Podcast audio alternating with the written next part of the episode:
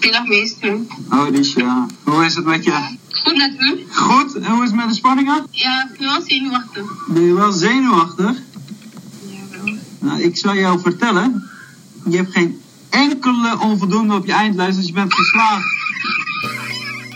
Sommige leerlingen vragen het uiterste van je. Bijvoorbeeld de stuiterballen.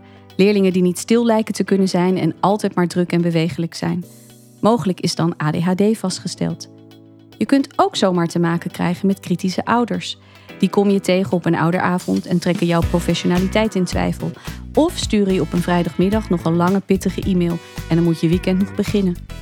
Andere situatie, wat als je over vijf minuten een toets moet afnemen en het kopieerapparaat is weer een stuk? Allemaal uitdagende situaties die je als starter kunnen overvallen en waar je wel wat hulp bij kunt gebruiken. Dus daarom deze aflevering 10 van Mijn eerste jaar voor de klas. Maurice, wie hoorden we daarnet heel blij gillen? Ja, een van mijn lieve leerlingen die geslaagd is. Ja, Vertel. ja nee, het was eh, afgelopen woensdag. Nou ja, als we het natuurlijk nu opnemen. Maar eh, eh, ja, mocht ik ze eindelijk gaan bellen. Ja. En ehm, ja, het was zo'n bizar spannende dag. Ja, kijk, die kids wisten dat ik zo'n vier uur zou gaan bellen. Mhm. Maar ja, vier uur is wel echt heel ver weg als je dag zeg maar al begint met heel veel spanning. En eh, ja, je krijgt berichtjes van je leerlingen van joh meester, ik heb niet geslapen, ik eet niet meer, kan je niet van tevoren al bellen, weet je niet echt al iets? Ehm, nou ja, nee, ik wist het echt oprecht niet. En tegelijkertijd eh, probeerde ik mijn hoofd eigenlijk eh, te zetten naar het leren van een toets voor de HVA de dag daarna. Maar al vrij snel werd wel duidelijk dat dat niet ging lukken. Je had zelf een tentamen de dag daarna. Ja, ja, Ai, en dat ging niet eh, geweldig, of wel gehaald. ja, de uitslag moet nog volgen. Dus eh, ik blijf hopen dat het gewoon goed is gegaan. Maar eh, ja, op die dag was natuurlijk een en al focus op de, op de leuke leerlingen. Ja, Want hoeveel leerlingen moest je bellen? 21. En wat waren de resultaten? Ja, nou ja, laat ik het zo zeggen. Twee nog net niet. Oké, En de rest wel. Ja. oké. En je begon denk ik met de twee nog net niet. Ja, ja, Hoe was dat? Ja, dat is natuurlijk helemaal spannend. Want eh, nou ja, goed nieuws brengen is altijd heel leuk. Maar dit is nog net niet het goede nieuws. En ik had van tevoren gezegd van jongens, eh, ja, ik bel vanaf vier uur en ik start met degene eh, ja, die het nog niet hebben gehaald, zeg maar. Maar het kan natuurlijk ook zo zijn dat je een 100% score hebt en dat je de eerste beste meteen belt met goed nieuws. Maar dat was nu dus niet het geval. Ja, en dan heb je er twee gebeld. En ja, dan zit je toch wel, ja, ik moet zeggen wel in een soort van mineur. Dat je Mhm. denkt, verdorie, weet je, je wil eigenlijk echt iedereen blij, eh, blij gaan maken. Uh, maar goed, als je daarna de gelukkige gaat bellen, ja, dan slaat die mineur heel snel uh, weer om in uh, ja, super energieke gesprekken en alleen maar gejuich, gegil en tussendoor nog even roepen, joh, ik zie je zo om vijf uur en uh, nou, dan doen we het nog een keertje over, zeg maar, zulke gesprekken. Heel leuk. Ja. Zullen we nog luisteren? Want je hebt nog een paar uh, belletjes opgenomen. Ja. Je hebt het gehaald? Gefeliciteerd. Geniaal. Je hebt het gered, je hebt het gered. Heel goed bezig. Hou je het nog? Of zou ik maar gewoon meteen zeggen dat je geslaagd bent?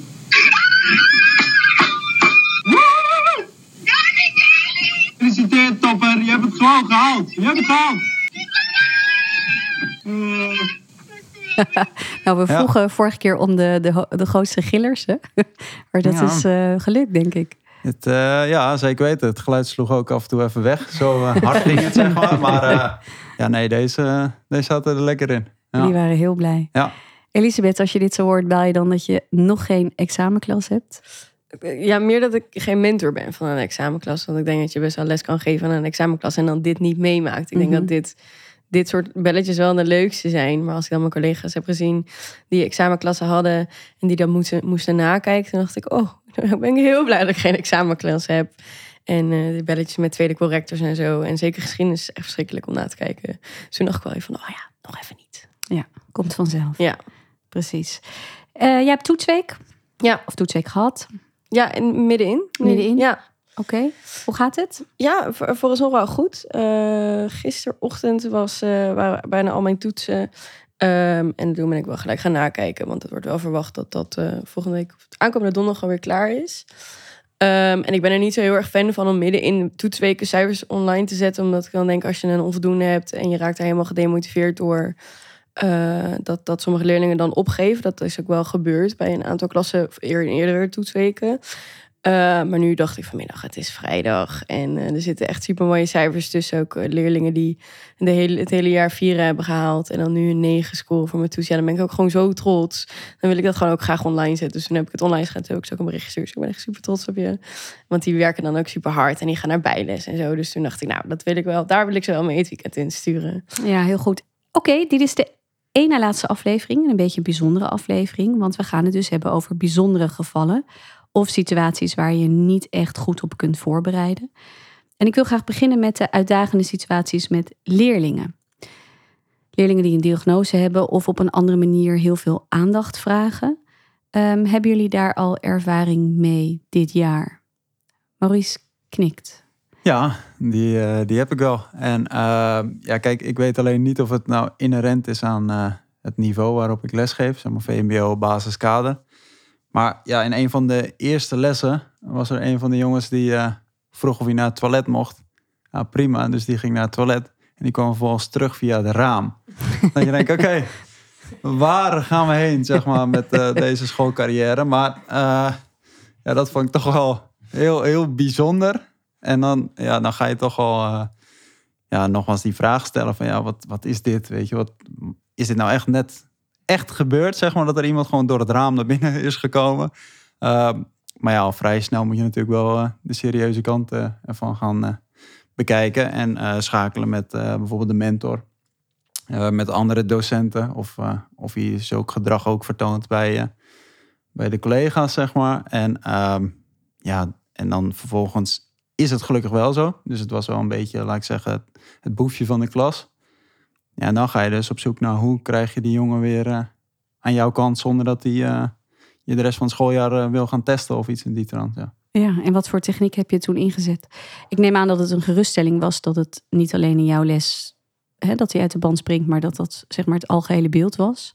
Ja, ja. ja, dat was zeker wel een geruststelling. En ja, kijk, dan wat ik eraan heb gedaan is eigenlijk meteen weer ja, inspelen op die relatie. Dus erkennen dat hij ja, een beetje het mannetje van de klas is, zeg maar. Ehm, maar tegelijkertijd eh, ook aangeven dat ik het natuurlijk wel kan waarderen. Dat ik zelf eh, misschien ook wel eens eh, zulke dingen heb gedaan in het verleden. Nou, niet zozeer via het raam naar binnen gekomen, maar wel gewoon een beetje kattenkwaad, zeg maar. Ehm, maar toch ook wel weer vrij snel je grenzen aangeven van nou, één keertje en ik heb er misschien wel een beetje om kunnen lachen, maar volgende keer niet meer. En wat zat erachter, denk je? Is het eh, omdat hij he- gewoon heel druk was of, of ADHD heeft? Of eh, was het iemand die niet genoeg uitgedaagd werd wa- wat betreft de stof? Nou, ik denk dat het ook echt wel, eh, ja, hoe kan ik het zeggen? Ja, hij was, hij was echt gewoon een beetje het, het macho mannetje. Mhm. Eh, dus hij was vooral ook heel erg bezig met anderen in de klas. Ehm, zelf deed hij ook niet zo heel veel tijdens de lessen, maar kon hij het wel gewoon goed aan. Dus misschien werd hij toch iets te weinig uitgedaagd. Eh, misschien dat het ook wel vanuit eh, van huis uit eh, eh, ja, niet zo liep als dat het misschien zou moeten zijn Mhm. of moeten gaan. Ehm, ja, dus je bent echt wel flink aan het zoeken. En uiteindelijk is hij dan wel geslaagd. Mooi. Dus, en ook gewoon keurig in één keer met prima cijfers. Dus ja, dan. eh, Fijn voor hem en fijn voor de school dan Ja. soms ook, toch? ja, ja, nou ja, zeker. Ja, ja. Ja. Elisabeth, heb jij eh, ook iemand in gedachten als je denkt aan dit jaar en uitdagende leerlingen of leerlingen die extra veel van je vragen? Ja, ja zeker. Eh, ik denk dat ik bij bijna iedere klas wel minimaal één leerling heb die eh, iets van ADHD of zo heeft. Ik denk dat dat ook wel iets is wat we tegenwoordig vaker bestempelen dan vroeger misschien. Eh, Vaker zien. Vaker zien ook wel. Dat is ook wel een goeie. Ehm, en ja, ik vind het ook wel weer een lastig, omdat ik dan bij ADHD'ers denk van oké, je kan er niet zo heel erg veel aan doen dat je druk bent. Of dat je door alles afgeleid wordt en alle impulsen die om je heen gebeurt, dat je daarop moet reageren. Eh, dus ik heb er dan, ja, probeer er dan heel veel compassie voor te hebben. Maar aan de andere kant is het ook een stoorzender in je klas en wil je ook eh, niet laten zien dat dat gedrag is dat je accepteert. Dus dat is altijd wel, vind ik altijd wel een hele moeilijke eh, in een klas met 30 leerlingen, zeg maar. Dus eh, ja, dat, het is, ik vind het echt niet makkelijk en het, het hoort erbij. Dus ik wilde wel graag wat mee. Ja, we aan Rickert vragen of hij een tip heeft? Want ik worstel wel een beetje met hetzelfde. Hè? Je, de- het feit dat er een ADHD'er in je klas zit... is niet eens meer zo opmerkelijk. Die zijn er. Soms zelfs meer dan één. Maar het feit dat er ook nog 28 of 29 anderen zijn... maakt het soms dan zo ingewikkeld. Ja, ja ik, ik, ik denk wel dat er echt een eh, hele range is eh, van ADHD, van eh, minst extreem tot heel extreem. en eh, ja. nou, we hebben het over, je wordt snel bestempeld of je wordt bestempeld of er wordt meer bestempeld. Voor mij is dat toch altijd een beetje een vaag gebied. Hè? Er zijn ook wel theorieën die zeggen dat ADHD niet bestaat. maar dat het vooral kinderen zijn met meer energie. Nou, misschien doet dat er in deze vraag niet zo heel veel toe. Ehm, eh, ja, drukke leerlingen. eh, ik denk wel dat ze bepaalde structuur nodig hebben. En eh, ook daar zijn wel hele grote verschillen, denk ik, in per leerling. Ook daarin moet je, denk ik, differentiëren. Ehm, hè, ik, ik heb wel eens echt een leerling gehad, nou, als je daarmee in gesprek was, die, die kon je letterlijk niet eens aankijken. Die draaide alle kanten op. Hè, dus dat, ja, en, en, en soms, toevallig had ik het deze week er met een, eh, een collega over, werkt het dan heel goed. En, en daar moet je altijd naar uitkijken als docent. Maar om wel eh, fysiek contact te maken bij zo'n leerling, hè, om bijvoorbeeld een hand op de schouder te leggen als je ziet dat die aan- aandacht de hele tijd afdwaalt. Moet je wel durven en ook dit moet je afspreken en misschien wel doorspreken met zo'n leerling. Bepaalde signalen die je kan geven als zo'n leerling afdwaalt. Eh, en als je dat vooraf doet, is dat voor zo'n leerling best wel prettig, denk ik. Ja. Ja, ik heb ook wel een keer een oudergesprek gehad met een, eh, een leerling en zijn moeder. Dat was volgens mij aan het begin van het jaar. En die moeder die vroeg toen van... eh, die had eigenlijk alleen maar het gesprek aangevraagd... omdat ze wilde peilen eh, of die jongen wel of niet aan zijn medicatie moest zijn in zijn lessen. Want dat had hij het jaar daarvoor had hij dat wel gedaan. En hij werd er heel afgestomd van. Dus ja, van ADHD-medicatie kan je gewoon heel erg afgevlakt zijn. Zombie staat. Ja, zombie staat. En toen zei ze van ja, moet ik dat dan, moeten we dat dan weer doen? Ik wil dat toch even peilen. Ik zei nou, ik vind hem zo gezellig in de les. Als hij, dit is, ja, hij is een beetje druk inderdaad, maar dan heb ik hem liever zo dan helemaal afgestomd en dat hij niet meer zichzelf is. En toen vond die moeder dat wel heel fijn om te horen. Dus ik denk ook dat we eh, daar wel ruimte voor moeten maken. We moeten er wat mee en we moeten er als klas wat mee. Eh, maar er moet wel gewoon ruimte voor zijn. Ja, geef ze ook een moment. Hè. Ik denk dat jullie dat ook wel doen. Geef, stel je voor dat ze te druk zijn. Geef ze een moment om even buiten een rondje te gaan rennen. Ja. En het werkt al zoveel voor die leerlingen. Dat ze even die energie eruit kunnen gooien. Ja, en ook, maar dat koppelen we toch even aan de vorige aflevering. Dat mo- mobiele telefoongebruik. Ja, in de pauzes hè, laat ze juist met elkaar... hey jongens, vinden het echt fijn om met elkaar te stoeien en weet ik veel wat. Laten we dat alsjeblieft eh, voorrang geven op gebruik van mobiele telefoon. Hè, energie kwijt kunnen en, en daarmee pauzegedrag en lesgedrag ook heel goed kunnen scheiden op die manier. Ja, las, las vorige week ook een artikel over dat er ADHD'ers zijn die het idee hebben dat ze moeten excelleren in een wereld die niet voor hun gemaakt is. En dat vond ik zoiets schrijnends en iets, iets sneus eigenlijk. We verwachten van hun dat ze in schoolbankjes zitten, dat ze hun mond houden, zes uur per dag. Eh, en op het moment dat ze dat niet kunnen, worden ze bestempeld als moeilijk of als niet slim genoeg. Terwijl ik denk, ja, dit, dit, deze, dit systeem is gewoon niet voor hun. En dat Mhm. wil helemaal niet zeggen dat ze dom zijn, alles behalve. Zeker.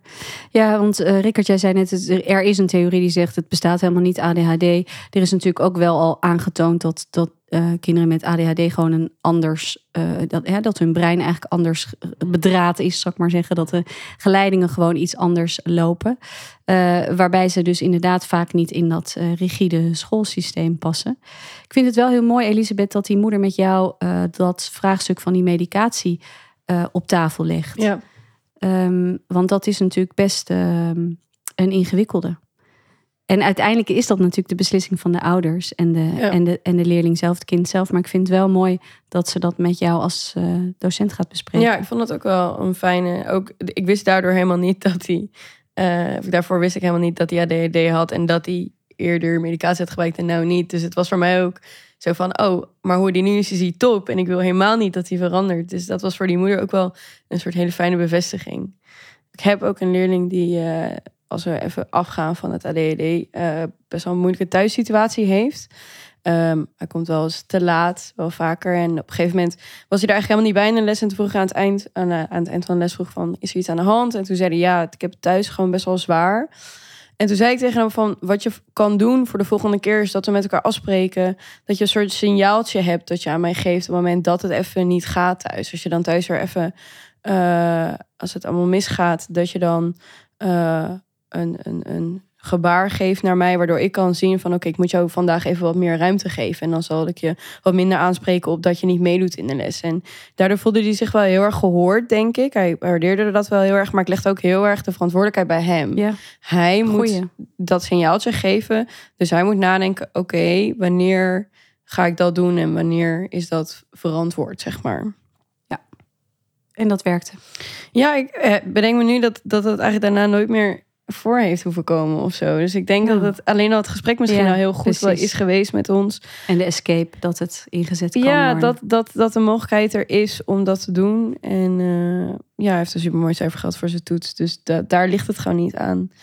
Ehm, Waar ik dan Ja. wel benieuwd naar ben, is of je dan op een later moment nog even eh, moet aanhalen bij diegene. Het kan ook zo zijn dat hij denkt, nou, ik voel me nu gehoord, maar de drempel is alsnog misschien wat te hoog om, eh, om het te doen. Of wat is nou een goed moment? Nee, ik zei, ik zou als eerste bij een mentor nagaan of die op de hoogte is van dat het bij deze leerling dat er iets thuis speelt. Dat lijkt mij een eerste stap. En dan is misschien ook al, weet hij dat niet, dan denk ik wel dat, dat hij alsnog daar aandacht aan moet gaan besteden. Ja, dit was wel allemaal Ja. bekend hoor, bij de mentor. ja. En ik had alles al gehoord van de mentor, maar ik vind het voor een leerling dan wel belangrijk dat die leerling de kans krijgt om het zelf te vertellen. In plaats van dat ik zeg, oh, ik heb dit en dit en dit over jou gehoord. Want dat lijkt me gewoon echt niet fijn als leerling. Dus ik had hem juist zelf die ruimte gegeven. Dus alles, nee, alles was bekend. Wat jij nog zou kunnen doen, is nog een keer na een aantal lessen nog even een check van: hey, heb je het signaalwoord of heb je het signaaltje nog, eh, Ja, dat is wel nog helder? Hè? Ja. Van, van eh, je kan hem echt een keer inzetten. Of wat Ja. fijn dat het nog niet nodig is geweest, Oh, weet je hem nog? Ja, dat is wel een heel. Ja, de les zijn nu voorbij, maar dat is wel een goede voor in de toekomst, zeker. Of vragen hoe het gaat. En dat is Ja. een hele algemene vraag, denk ik. Ja, Maar voor zo'n leerling is dat soms een hele fijne vraag om te horen. Ja. Van, oh ja, jij bent er niet vergeten. Je weet dat er iets speelt. En hij kan altijd zeggen, of zij kan altijd zeggen... eh, nou, eh, het gaat oké. En dan blijft het daarbij. Als die geen zin heeft in, in meer antwoord. Ja.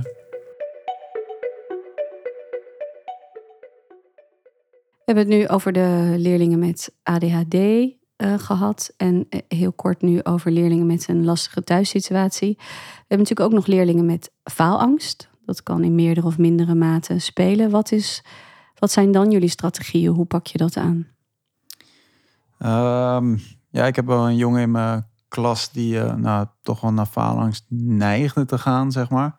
Ehm, ja, die hebben uiteindelijk, ja, heeft hij een gesprek gevoerd met een coach. Om, eh, om hem toch even vlak voor die examens ook nog weer even goed op de rit eh, te helpen, zeg maar. Of om alles op de rit te krijgen. Ehm, ja, en hoe ik er zelf mee omga, omdat ik het...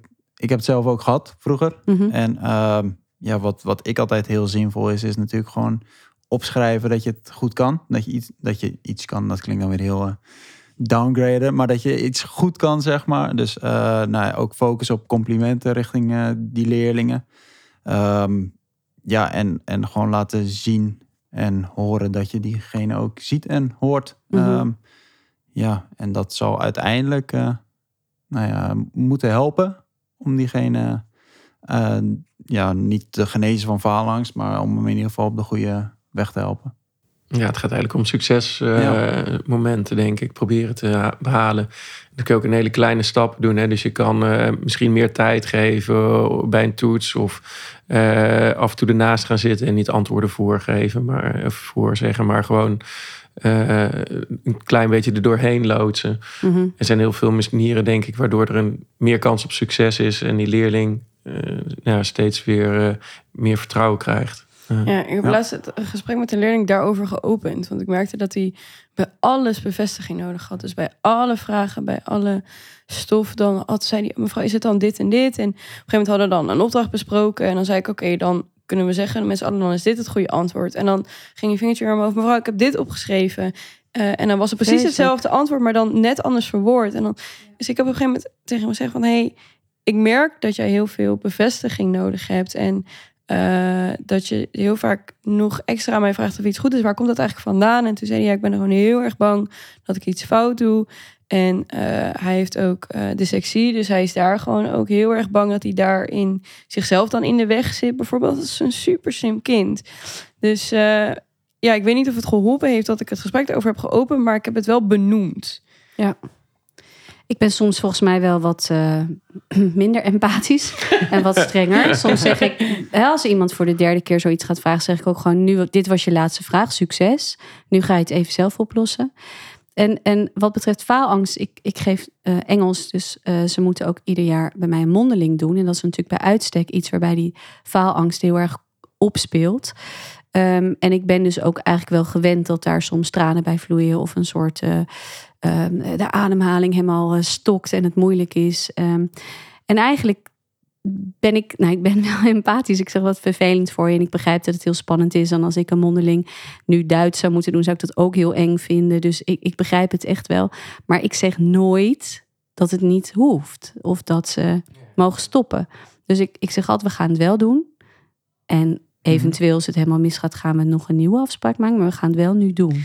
Waarom kies je daarvoor? Want het is niet voor iedereen de beste manier om getoetst te worden, toch? Een mondeling. Sommige mensen die, ja, die gaan daar ook later niks mee doen. Dus waarom dan toch ervoor kiezen dat iedereen het moet doen? Nou, op zich denk ik en dat je Engels spreekt, gaat iedereen wel Nee, ooit in zijn leven een keer doen. Ja. Op wat voor manier dan ook. Ja. En ik denk ook dat, eh, eh, maar goed, dit, dit is een heel interessant discussiepunt. Ehm, dat het dus goed is dat je soms door die weerstand heen gaat. Ja. En dat is natuurlijk, iedereen vindt een mondeling waarschijnlijk best wel spannend. Ook als je goed bent in Engels en, en ook niet zo verlegen bent aangelegd, dan is het ook nog spannend. Voor leerling met faalangst is het heel veel moeilijker, dat begrijp ik wel. Maar ik denk dus niet dat je uiteindelijk heel veel helpt door zo te eh, pappen, dat je er dus steeds onderuit kunt komen. Ehm, en dit is ook, er zijn heel veel leerlingen die proberen een slechte toets weg te moffelen onder het mom van ik had een blackout. Mhm. Dat vind ik ook altijd zo ingewikkeld. Dat hoort hier een beetje bij. Hè? Van, ik wist allemaal, had supergoed geleerd, maar ik had een blackout. Ja, en dan? wat gaan we dan doen? Als je al die mensen een herkansing gaat geven of gaat zeggen van goh, wat vervelend, we gaan het nog een keer doen. Ja, dan, dan kun je wel ophouden. Ja, ik vind, ik vind het ook wel belangrijk dat we onze leerlingen leren om het initiatief te nemen eh, om te zeggen als ze iets moeilijk vinden. Of als ze iets spannend vinden. Mhm. Want heel vaak zeggen leerlingen achteraf van... oh, het ging, eh, ik had een blackout of eh, het ging niet goed of zo. En ik vind het dan heel belangrijk dat we onze leerlingen leren... dat ze van tevoren zeggen... luister mevrouw, we hebben zo deze mondeling. Is dat in het Nederlands? We hebben dit, dit mondeling. Ja. deze mondeling. En ik vind het super spannend. Dat we leren van benoem nou eens waar Maar probleem dat kunnen ze wel hoor. Ja, ik heb dus het idee dat dat soms lastiger gaat. Dat ik Ze dat... kunnen het beter achteraf dan vooraf, ja, denk ik. dat. Ja, en ja, dat we dat ja, omdraaien. Ja, ja, ik vind het wel een mooie.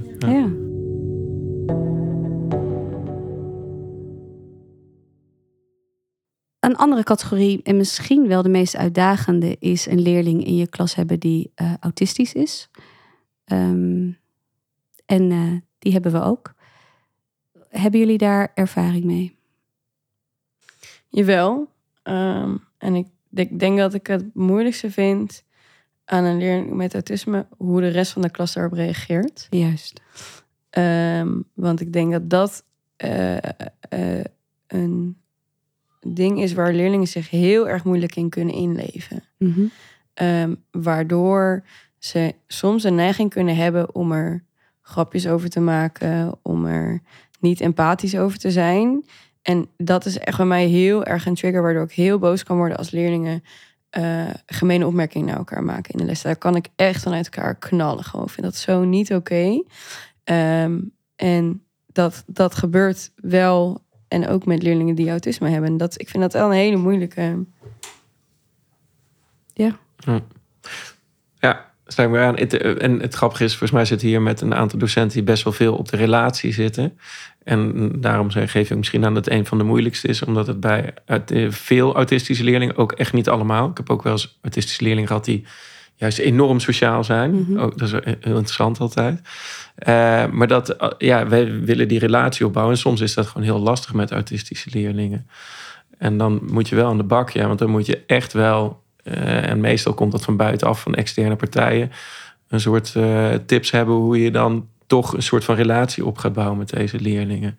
Ja, En, als dan, en dat empathisch komt vaak van twee kanten. Hè? Dus een een autistische leerling kan soms moeilijk inleven. En ik heb wel eens eentje gehad die wel dus, nou ja, racistisch over kon komen. Ja, dat snapt, dat snapt dan inderdaad die klasgenoot niet. Eh, maar die leerling begreep zelf ook niet wat hij fout zei. Ja. Ja. Ja, en dan werd het heel ingewikkeld. Ja. Ja. Ja. En, dan, en was het ook nog eens zo dat niet bekend mocht worden dat deze leerling autistisch was. Oh, dat is Oh. echt ingewikkeld. Ja, ja, dus hoe ga je dat dan uitleggen aan die andere klasgenoten? Ja. Ja. ja, dus dat, dat is een, misschien een tip eh, aan ouders ook en aan leerlingen. Ja, ik zou dit altijd bespreekbaar maken. Hè, omdat het, en natuurlijk moet je daar een moment voor kiezen. En het, eh, misschien is het niet elk moment goed, maar het maakt wel voor een relatie binnen klas het echt veel makkelijker als er openheid over is.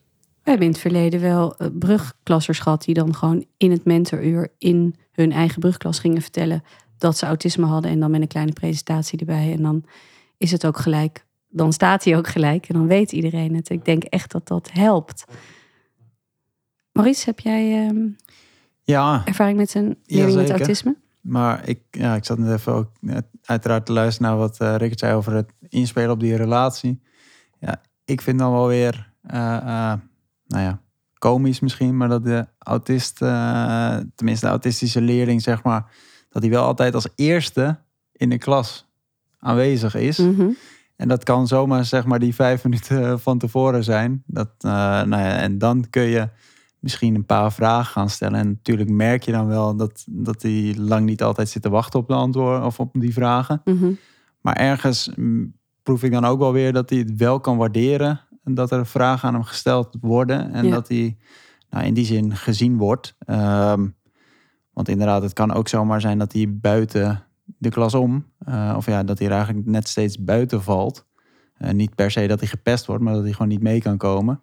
Ja, dan denk ik dat het toch wel weer eh, erg fijn is om, om wel gewoon die vragen te blijven stellen. En in die zin gewoon vol te houden. En al is ja, dit klinkt heel stom, maar al is het om jezelf misschien ook gewoon een goed gevoel te geven. Dat je wel het idee hebt dat je alle leerlingen blijft zien. En dat je niet denkt op een gegeven moment, nou, ik gedraag me net als de klas. En hij komt iets minder mee. Maar dat blijft wel een uitdaging. Hè? Ja. Ook inderdaad omdat je de relatie soms ook moeilijker bouwt en Mhm. moeilijker onderhoudt dan met de rest van de leerlingen. Dus ook Ja. voor de mentor of voor de vakdocent is het harder, wer- harder werken, toch? Ja. Vaak. Ja.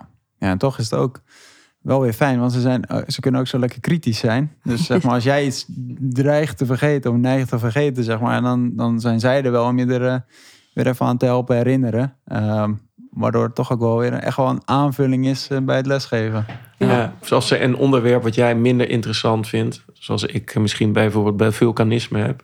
Ja. En dat je dan een autistische leerling in de klas Oh, die hebt die, alles hey, weet. die alles ja, die weet. hyper. Oh ja, die helemaal alles. Ja, Ja, ja, heerlijk. dat is is een aanvulling en soms Ja. ook wel een, eh, iets wat je. Vraag je dan aan zo'n Het lastig leerling maakt. van... hey, wil jij eh, dit stukje Ja, ja, dat, ja, dat kan. Ja, dat zeker. ja, maar als je Dat dus heel Ja. onverwacht bij iemand echt met autisme, dat ja. gaat Nee, nee, nee. meestal niet Ja. goed. Nee, precies niet. Maar je weet heel vaak wel bij leerlingen met autisme... of langer van tevoren wat ze interessant vinden. Ja. Want dat komt denk ik wel eerder ter sprake. En dat je dan op het moment dat dat aankomt... dat je dan vraagt... hey, Zeker. over eh, vier Ja. weken gaan we dit behandelen. Zou jij eh, Ja, een lesje Ja. daarover willen Ja. doen? Ja. Ik denk dat ze daarin ook heel erg erkenning gaan voelen over hun interesse. Ja. Of gewoon mogen aanvullen van achteruit de klaslokaal. Hè? Dat is wat, Ja, ja, dat is wat ja. veiliger. Ja, ja. In plaats van dat je de hele groep moet aankijken. Nee, dat is waar.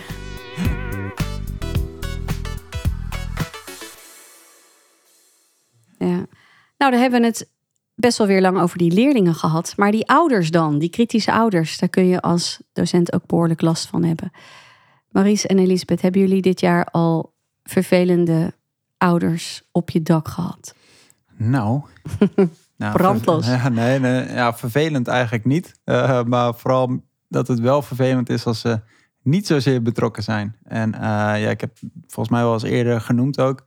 Bij bijvoorbeeld een ouderavond. Mhm. eh, dat je de ouders eh, daar uiteraard voor eh, uitnodigt. En dat er dan, ja, dat het zo'n minimale opkomst is. Dat je dan denkt van oké, dit vind ik wel lastig. Ja. En zeker ook omdat als er, stel er zou een kritische nood komen. Ja, dan vind ik dat wel lastig om, om dat dan goed te gaan beantwoorden. Je doet het wel, maar wel met het idee van ja, ik zie jullie bij wijze van spreken het hele jaar niet of nauwelijks. Eh, dus qua kritische nood verwacht ik dan ook niet ineens dat die eh, zal gaan komen. Ehm, of dat ik hem heel hard moet gaan kraken, zeg maar. Mhm, mhm. Ehm, maar ja, nee, ik merk wel, en dat is zeker gedurende dit jaar, dat ik eigenlijk veel meer moet gaan investeren volgend jaar eh, in de relatie met de ouders. Dus echt die persoonlijke benadering eh, gaan zoeken. Ehm, maar ja, de studie die ik nu natuurlijk nog volg, het feit dat je een net startend docent bent, dus je bent bezig met je lessen en je mentoraat wat je erbij hebt, ja, dat zorgt er wel voor dat je tijd op een gegeven moment een beetje op is. Want je Mhm. wil natuurlijk ook gewoon nog leven. Ehm, maar ehm, ja, dat is wel echt een leerpunt voor, eh, voor volgend schooljaar. Dus gewoon echt dus die jij- ouders bellen. Ja, dus je verwacht wel dat daar nog winst te behalen is. Ja, en ik denk ook best wel veel winst ook. Ja, ja. Dan bedoel je dat jij die, die investering moet doen ook vooral. Ja, ik, maar zij dan denk ik ook. En, of tenminste, denk ik, weet ik wel zeker. Maar ik denk dat eh, de eerste stap ook wel heel erg eh, vanuit mij eh, mag gaan komen. Ja. Interessant. Ja, Ja, ik ben benieuwd hè, als, ja. als, als Maurice dus een, een, een- ha- harder gaat lopen. Of de ouders dan Ja. ook eh, meer Ja. respons gaan geven. Vind ik wel interessant, ja. Ja, ik zit te denken, ja, ik, eh, ik zit, toen je net het eh, voorbeeld gaf eigenlijk van de ouders die het hele jaar bijvoorbeeld niet hoort. Dus meteen denken aan het, dat heb ik ook een keer gehad bij een ouder en die dan, want uiteindelijk bleef die zoon zitten. En ehm, toen kreeg ik ze alsnog aan de telefoon. Dat Ik kan wel vertellen, Want dat was eh, niet de Dat was het inderdaad, ja. Ja. Mijn kind kan niet blijven zitten. En het hele jaar hoor je niks en stond hij eigenlijk al wel blijven zitten. Eh, en toen dacht ze, nou, bij dit vak is nog wel wat te behalen. Dus we gaan even druk op die docent zetten. En er werd een heel onprettig gesprek met echt hele rare verwijten. En bijna schelden van, die, eh, van een van de ouders. Ja, dat was wel... eh, ja. En, en vooral het vervelende was, je professionaliteit wordt in twijfel getrokken. Ja. Ja, en dan... En dat Moeite. doet iets met je. nou ja, ik, ik, ik, ik heb toen op een gegeven moment gezegd, want het was aan de telefoon. En op een gegeven moment heb ik gezegd, ja, ik ga niet mee in dit, eh, in dit gesprek. Dit moet Eh, sowieso niet telefonisch, Dit, dit maar- moet niet telefonisch, Nee. maar ik, eh, dit, dit leidt niet naar een constructief gesprek. Mm, Dus ik ga nu ophangen. En je kan met de teamleider gaan bellen. ja. Nou, dat is uiteindelijk gebeurd. Uiteindelijk is deze leerling overgegaan. En het jaar daarna blijven zitten.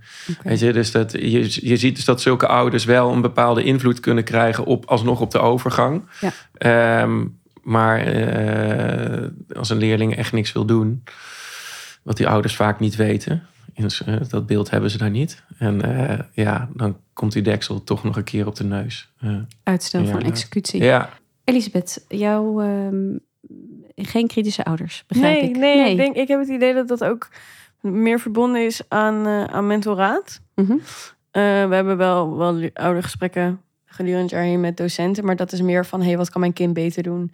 En eh, hoe kan mijn kind leren voor de toets, zodat het cijfer hoger wordt? Ik heb nog niet gehad dat een ouder zei van, ja, wat kan jij anders doen?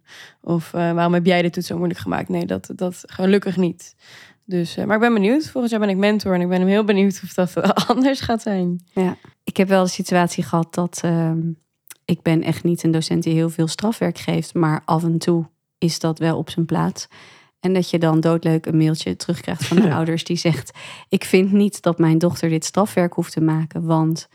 En dan komt er een reden. En dan Ja. denk je echt: Ja, maar jongens, als we zo gaan beginnen, kunnen we beter ophouden, toch? Met wat we aan het proberen te doen zijn op een school. Ja, en ik vind dit in dezelfde categorie als een leerling die dus thuis zegt van nou, ik heb niet goed kunnen leren voor de toets en jij moet muziek melden, papa of mama, want anders haal ik een één en dan kan ik niet over. En dat een ouder dan zegt, nou, dat is goed, ik ga wel even bellen dat je ziek bent. Ja, dat zijn echt, Ja. ik kan daar echt gewoon niet bij. Dat, ja. dat, En ik heb wel het idee dat dat meer is geworden. Dat ouders makkelijker Ja. kinderen zijn gaan dekken. En ook misschien wel, zelfs na corona, nog meer. Meer, Omdat ze onderwijs anders zijn gaan bekijken. Hè, dus Ja, het afwezigheid is veel de minder waard. prestatiemaatschappij Ja. te maken hebben. Dus de leerlingen dat, ervaren meer druk en vallen dus ook uit door die druk. En, en, en gaan dus dit soort rare duik eh, eh, dingen inzetten eh, om, om te proberen de boel te redden. Maar het is natuurlijk een idiote gang van zaken als je als ouder zegt: Het is goed, ik bel wel even dat je ziek bent. Hebben we nog meer voorbeelden van kritische ouders? Ja, twee weken geleden gingen wij op kamp met een tweede klas. En ehm, we zouden woensdag tot en met vrijdag weg zijn. En eh, op woensdagochtend krijgen wij al een telefoontje van twee leerlingen of twee ouders van twee verschillende leerlingen. Dat eh, de leerling de komende drie dagen ziek is. Ja. Ja, Toevallig. ja, en dan denk ik, ja, wat gebeurt er hier? Ja, en dan kun je allemaal vragen over stellen. Maar ja, als iemand, een ouder, het kind dekt, die is ook ziek. Ik heb natuurlijk een vraag gesteld aan de leerling. En dan krijg je een verhaal wat eh, waterdicht is. Want dat wordt goed doorgesproken, denk ik ook. Maar ja, ondertussen missen ze wel een heel belangrijk moment. En ik, eh, vooral een, een Sociaal. kamp, hè, sociaal Ja. super belangrijk, vind ik in ieder geval. En eh, ja, ik vind het wel echt een gemis. En al helemaal als ouders dus niet begrijpen hoe belangrijk dat moment is voor hun kind. Ja. En ondanks dat een kind daar spanning voor kan hebben, hè, voor een kamp. Tuurlijk, want het nee, is ook spannend. is ook zo. Maar dat is het hele idee van een kamp is uit de comfortzone Juist. raken. Of het hele Ja. idee, op veel kamp is dat Ja. onderdeel van. Ja. Ja. Ja. Ja, ik denk nog aan de ouder die op een, eh, een eh, oudergesprek, een één op één, of eigenlijk met z'n drieën. Dus je zit met ouder, leerling, mentor. En heb ik wel eens gehad dat een ouder gewoon de hele 15 minuten vol praat. Dat is ook altijd heel bijzonder. Dat je denkt, oké, je komt naar school voor een gesprek. Maar het is eigenlijk een monoloog die je afsteekt. En dan zie je zo'n leerling er zo heel verloren bij zitten. Die dan zo met die schoudertjes zo steeds meer naar voren een beetje in die stoel wegzinkt. Ja, dat vind ik ook altijd heel erg sneu eigenlijk voor alle partijen. Voor alle partijen. Ja, want ik heb dan ook natuurlijk iets voorbereid en ik wil een soort boodschap meegeven, maar dan kom je er gewoon niet tussen. Dan is het, eh, ja, dat is altijd heel bijzonder. Durf je al in te breken dan? Ja, natuurlijk, ik durf het wel, maar het, het zet gewoon een beetje de toon. Dat je denkt van, nou, het is dus eigenlijk niet een, een eh, gesprek. Het is niet open. Het is gewoon een, een ouder die iets wil droppen bij je of een, een klacht wil neerleggen of, of iets wil vertellen over hoe hij of zij eh, het kind ervaart. Maar Ja. het is ja, gewoon gemiste kans. Gewoon in het rijtje gemiste kansen. Ja. Dan gaan we nu naar een binnengekomen vraag van een luisteraar. En die is vooral voor ons, Rickert, deze keer. Want we gaan luisteren naar een vraag van Valentine. Hoi, ik ben Valentine, tweedejaars docent wiskunde. Ik heb alle afleveringen geluisterd en veel vragen en tips voorbij horen komen. Maar vroeg me eigenlijk af, wat vinden Tinka en Rickert? Die beide al jaren voor de klas staan. Nou, nog lastig. Wat zijn dingen die altijd moeilijk blijven? Dan kan ik me daar een beetje op voorbereiden. Nou, Rickert, Tja. dingen die altijd moeilijk blijven. Ja, ik denk dat het toch wat grotere dingen zijn. Nou, laat ik, laat ik eh, beginnen met eh, geruststellend iets, denk ik. Is dat je wel minder zorgen om bepaalde dingen gaat maken. Ik kan me nog wel zorgen maken over, over leerlingen, maar dat is dan heel persoonlijk. Eh, maar aan de andere kant ja, weet ik ook wel dat het bijna altijd goed komt met alle leerlingen. Dus dat is, dat is ook wel weer geruststellend. Mhm. Misschien dat je dat ook pas later gaat zien, dat het eigenlijk. eh, eh, Iedereen zijn eigen pad. ja, het komt uiteindelijk wel goed. Mhm. hè, bij 99 procent. Ehm, en het zit hem bij mij vooral denk ik in wat grotere dingen in het onderwijs. Dat je soms wil dat veranderingen sneller gaan. En dat dat niet snel genoeg gaat. Dat je denkt van ja, we gaan echt een keer dat onderwijs aanpakken. En het gebeurt maar niet. Eh, nou ja, daar hebben we het er al eens eerder over gehad. Die kleinere klassen, komen die nou Nee, eindelijk? ja. Dus ja, ik vind dat wel, een, ik vind dat Ja. wel eens een frustratie. Ja. ja, en daar moet je dus altijd eh, van afzetten. Maar het is wel, het gaat je aan het hart. Dat is het Ja, misschien. dus dat het onderwijs Ja. traag en log is. Dat ja, en is dat de overheid eigenlijk ook geen drastische maatregelen Ja. durft te nemen. En, en daar leidt eigenlijk alle kwaliteit van het onderwijs onder. Ja. En dat gaat je gewoon wel aan het hart. Eh, dus, dus dat is wel iets wat blijvend is, helaas. Ja. En ik heb elke keer de hoop nog dat het een keer verandert. Maar ondertussen word je er ook soms wel eens cynisch van. Mm. Ja. Ja. En dat moet je weer proberen te bestrijden. Want heel cynisch in het onderwijs staan gaat je ook niet... Tuurlijk, eh, ja. Je moet, en dat je is het. Je moet echt in het onderwijs je eigen uitdagingen vinden. Ja. En als je dat blijft nastreven, dan zijn die er ook altijd. En, en die zijn ook vooral te vinden, denk ik, in leerlingen. Dus dat is wel echt. eh, je moet er niet van de overheid verwachten. Je moet het wel echt zelf doen. Ja. Ja. Eh, je hoopt alleen dat iemand het soms wat beter faciliteert. En dat is wel hun verantwoordelijkheid. Ehm, Ja, ik dacht Ja. nog, eh, Valentine, aan, aan dus genoeg aandacht behouden voor het primaire proces. En ik denk juist als je opvalt als een, als een goede docent, dat je het goed doet, dat je eigenlijk ook in de loop der jaren steeds meer andere taken op je bordje krijgt. Van heel leuk, zou je ook dit willen doen en je lijkt me zo geschikt om dat te doen. En, en, en dat wil je dan ook allemaal graag. Hè? Daar hebben we ook in voorgaande aflevering het over gehad. En dat het moeilijk is om nee te zeggen. Maar dat het dan dus wel lastig is. En ik blijf dat dus lastig vinden om dan die aandacht te houden echt voor dat echte lesgeven. Wat gewoon je core business is. En dat wil je gewoon op orde hebben. Dat blijf ik wel een uitdaging vinden. Ja, dat je niet denkt, oh, ik moet ook nog lesgeven. Dat komt eigenlijk heel slecht uit. Precies. Ja, en dat komt dus ook voort uit. Hè, dus dat je alles tegenwoordig moet vastleggen. Wat, waar eigenlijk heel veel wantrouwen naar de docent, vind ik, in uitspreekt. Ik zou gewoon veel minder dingen willen vastleggen. Hè. Dus leerlingvolgsysteem, ja, ik vind het best leuk hoor. Maar we kunnen er ook echt wel minder van doen. Hè. En uh, uh, ik vind dat dat uh, iets een tekort doet aan wat een docent gewoon, hoe, hoe serieus je die neemt. Mhm. Je hoeft echt niet alles vast te leggen, vind ik. De, de, de, autoriteit of de professie van de docent is net zoveel waard. Ja. Ik, ik kan nog even doorgaan hoor. Ja, ja, wat, ik, wat ik ook uh, nog steeds moeilijk vind, is dat je bijvoorbeeld soms heb je een lesdag en heb je vijf goede lessen gegeven. Die lekker liepen, of die met leuke kinderen was, of die inspirerend was, of die precies zo uitpakte als je de bedoeling had. En heb je één les waarin het dus niet gaat, waarin het mislukt, waarin het een vervelende sfeer was, of ze letten niet op, of het kwam helemaal niet over. En dan kun je toch een rotgevoel hebben aan het eind van de dag, omdat je met die lastige les in je hoofd blijft zitten. Nou, dat vind ik echt iets moeilijks van Ja. het onderwijs. Ja. Want waarom denk je niet aan die vijf goede? Waarom denk je alleen maar aan die ene slechte les? Maar dat is ook wel een beetje mensen eigen, toch? Als je vijf complimenten krijgt en één kritische noot, dan onthoud je toch de kritische noot. Ja, maar ik vraag me af dat als je, dan denk ik maar even zo aan de standaard kantoorbaan, dan, dan, dan, dan denk ik niet dat je dag zo, ehm, dat, je, dat je op die manier terugkijkt. Ja. Van ik, dat ene uur waarin alles misging, daardoor is mijn dag verpest. Nee, oké, ja. Dus ik denk wel dat dat echt bij het onderwijs hoort. Ja, misschien ligt er inderdaad aan, is het je laatste uur of is het je eerste uur? Kijk, eh gaat de eerste niet lekker en je hebt daarna vijf top, eh, toplessen, dan denk ik Ja, dat, dat je helpt wel anders eh, naar buiten loopt dan eh, precies andersom. Maar dan nog, Maar dan nog, ja, ja. ja. Ja, ik zeg wel eens, als je dus een persoon bent die naar perfectionisme neigt, dan is de baan in het onderwijs eigenlijk hartstikke goed voor je. Want je weet zeker dat je geen perfecte Ja. dag draait. Nooit. Dus je wordt eigenlijk iedere dag geconfronteerd met Ja. dat je dat perfectionisme gewoon helemaal niet eh, vol kunt houden. Ja. Eh, en dat is natuurlijk ook wel een soort van goede les. Ja, ja. Of je ligt er na drie jaar uit, zeg maar. Omdat je gewoon niet volhoudt. Je wil perfect, Ja, nee, dat- alles ja. perfect doen. Ja, Ja. nee, En ik, dat kan eigenlijk helemaal niet. Dat kan helemaal dat bedoel ik met die kwaliteit Ja. die je wil leveren. Maar eigenlijk onder deze omstandigheden bijna nooit eh, te doen is. Ja. Ja. We hebben het nog niet over al die ad hoc problemen of die last minute problemen. Hè? Dus je, ehm, ehm, je, moet nog even iets kopiëren en het kopieerapparaat is weer stuk. Of je hebt een fantastische les gemaakt waar je de beamer voor nodig hebt. Maar je krijgt die beamer niet goed geïnstalleerd. Of de collega heeft net de afstandsbediening weggenomen en het, je kan niet bij het knopje op het apparaat. Of eh, nou ja, eh, enzovoort, enzovoort. Je krijgt weer een lokaalwijziging. Dat soort dingen maken het onderwijs ook echt wel heel eh, uitdagend. En die ik. wespen die je wel eens hebt Die genoemd. wesp waar het overal, die kan je beter ophouden. Ja, ik heb ook wel lokalen die bij ons... eh, we hebben allemaal verschillende vleugels. En in de ene vleugel doet de airco het wel en in de andere niet.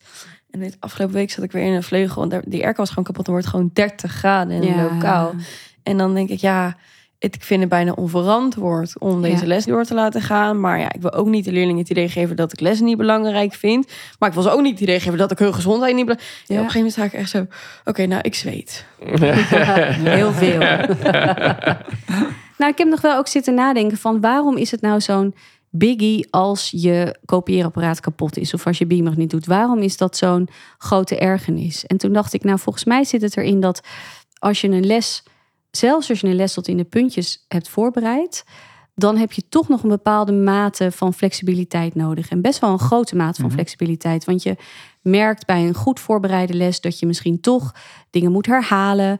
Of het gaat langzamer dan je had gewild. Of die ene opdracht waar je zelf zo enthousiast van wordt, vinden ze echt geen ene bal aan. En je moet ter plekke nog iets anders doen. Dus je bent, er wordt al heel veel van je flexibiliteit gevraagd. En als je dan ook nog eh, zeg maar niet uit kunt gaan van de dingen die normaal gesproken fixed zouden zijn, hè, die vast liggen. Een kopieerapparaat wat je helpt, een beamer die het doet, dan is het gewoon te veel of zo. Dat is net zo die druppel die eh, de emmer kan doen laten overlopen. Ik denk dat dat het is. Denken jullie Ja. dat ook? Ja, ik denk dat je daar een heel goed inderdaad dat je wel eens collega's hebt, nou, die heb je denk ik overal waar je ook werkt.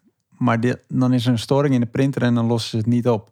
Oh man. Ken je dat? Ja, ja, ja, die Ja, lopen weg. Ja, ja, ja, ja, ja, ja, het gaan Ja. oplossen. Ja, die lopen echt- weg, ja. Ja. Ja, ja, ja. Ja. Er zijn toch ook gewoon nog vier andere printers waar je heen kan. Ja, nou ja, dat, natuurlijk doe je dat ook wel. Maar het is meer dat ik denk, joh, ruim je. Ja, als hij bij iemand vastloopt, dan moet hij het ook fixen. Ja. Maar ik sta Ja. soms echt wel eens te schelden gewoon tegen dat apparaat. Ik gewoon zo gefrustreerd van word. Verschrikkelijk. Het zit hem gewoon in de omstandigheden moeten gewoon perfect zijn. Ja, En moeten jou helpen je werk goed te doen. Precies. Daar komt het op neer, denk ik. Ja. En eh, ja, dat is gewoon niet altijd het geval. Ja. Ja, we hadden aan het begin van het jaar was, eh, waren ze bezig met ons met de airco's. En toen hadden we van die eh, hele grote mobiele airco's, weet je wel, waar je zo'n slang uit het raam moet hangen. En die dan lucht van buiten naar binnen pompt. Maar dat was zo zwaar op de elektriciteit dat je zeg maar, je had of een airco of een smartboard. En het was gewoon, ja, moest maar gewoon kiezen die les. Zo, wat gaan we doen, jongens? Wordt het zweet of wordt het geen les? En die leerling zat ik echt zo, ja, wat moeten we hier nou mee? Nou, Valentine, dus je hoort het. Er is eh, genoeg wat we nog lastig vinden en uitdagend in het onderwijs. Maar ik denk ook dat we het met elkaar eens zijn dat als jij eh, het leuk hebt met de leerlingen en daar plezier in hebt en het leuk vindt om met die lui te werken en ze iets uit te leggen, dat je dan vooral dat wel moet gaan doen en je niet moet laten kissen door een kopieerapparaat. Misschien ook een beetje de humor ervan inzien. Gewoon er een grapje van maken, zodat het ook allemaal wat luchtiger wordt. Dat ook gewoon uitspreken naar de leerling. Zeggen, nou, gaat vandaag niet, hè? Nou ja. Volgens mij is- is dat ook een beetje de oplossing. Ja.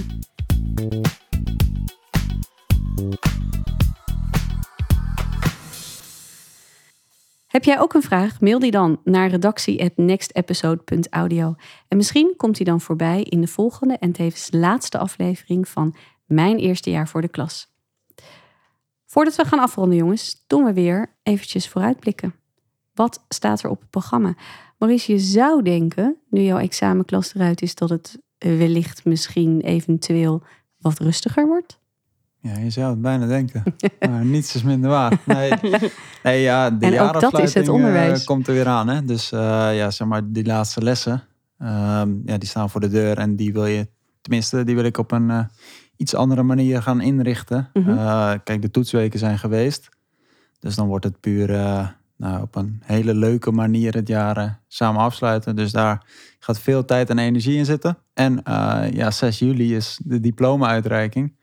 Dus die moet ik natuurlijk ook eh, tot in de puntjes voorbereiden. Ja, En, met eh, leuke toespraakjes. Hopen dat eh, alle faciliteiten meewerken, zeg maar. Maar nee, eh, ja, nee, dat staat eigenlijk op de planning. Dus het Ja. is eh, nog best wel, eh, best wel druk eigenlijk. Ja, maar wel met leuke dingen ook. Ja, zeker. Hele toffe dingen. Ja. Ja. Ja. Leuk. Elisabeth, jij? Ja, veel nakijken nu natuurlijk. Mhm. Eh, ik ga maandag naar Walibi. Ja, Met dat de tweede klas. Ja. Dat is ook wat zo'n ding. Gaat Ben- iedereen heen. Ja, ik heb echt, echt een hekel aan Walibi. Ja, maar er gaan hele leuke collega's mee. Dus Nou, ik, gelukkig. eh, ik hoop dat het leuk wordt. Ik wilde eigenlijk mee naar de Efteling, maar dat wilde iedereen. Dus toen was er, nou ja, nee, je moet mee naar Walibi. Ehm, en dan, ja, ook de afsluiting van het jaar. Dus er zijn wel wat vergaderingen, maar ik weet niet zo goed hoe het bij ons op school gaat. Dus ik ga gewoon het allemaal op me af laten komen. Precies. Mag ik nog één dingetje zeggen over Walibi? ik ben er ook heen geweest, maar ik vond het zo opvallend. Zeg maar dat je, nou, die kids die rennen bij wijze van spreken het park in. En dan ga je kijken op de terrasjes. En overal waar je kijkt zitten allemaal ja. docenten bij elkaar. Ja, een ding. Ja, Ja. Allemaal de koffie en de Ja, appeltaart. Ja, ja, ja. Oh, heerlijk. Nou, dank jullie wel allemaal. En eind juli zijn we terug met de laatste aflevering in deze serie. Dan gaan we het hebben over afscheid nemen, loslaten, vakantie vieren, bijtanken en reflecteren. Wat hebben we nou geleerd dit jaar en wat zijn onze goede voornemens voor volgend jaar? Dat over een maand in aflevering 11. Deze podcast is een productie van Next Episode in opdracht van de VO-raad. Audiodesign werd verzorgd door Studio Cloak. De eindredactie was in handen van Robert Doggers. En de presentatie doe ik, Tinka Terschecht.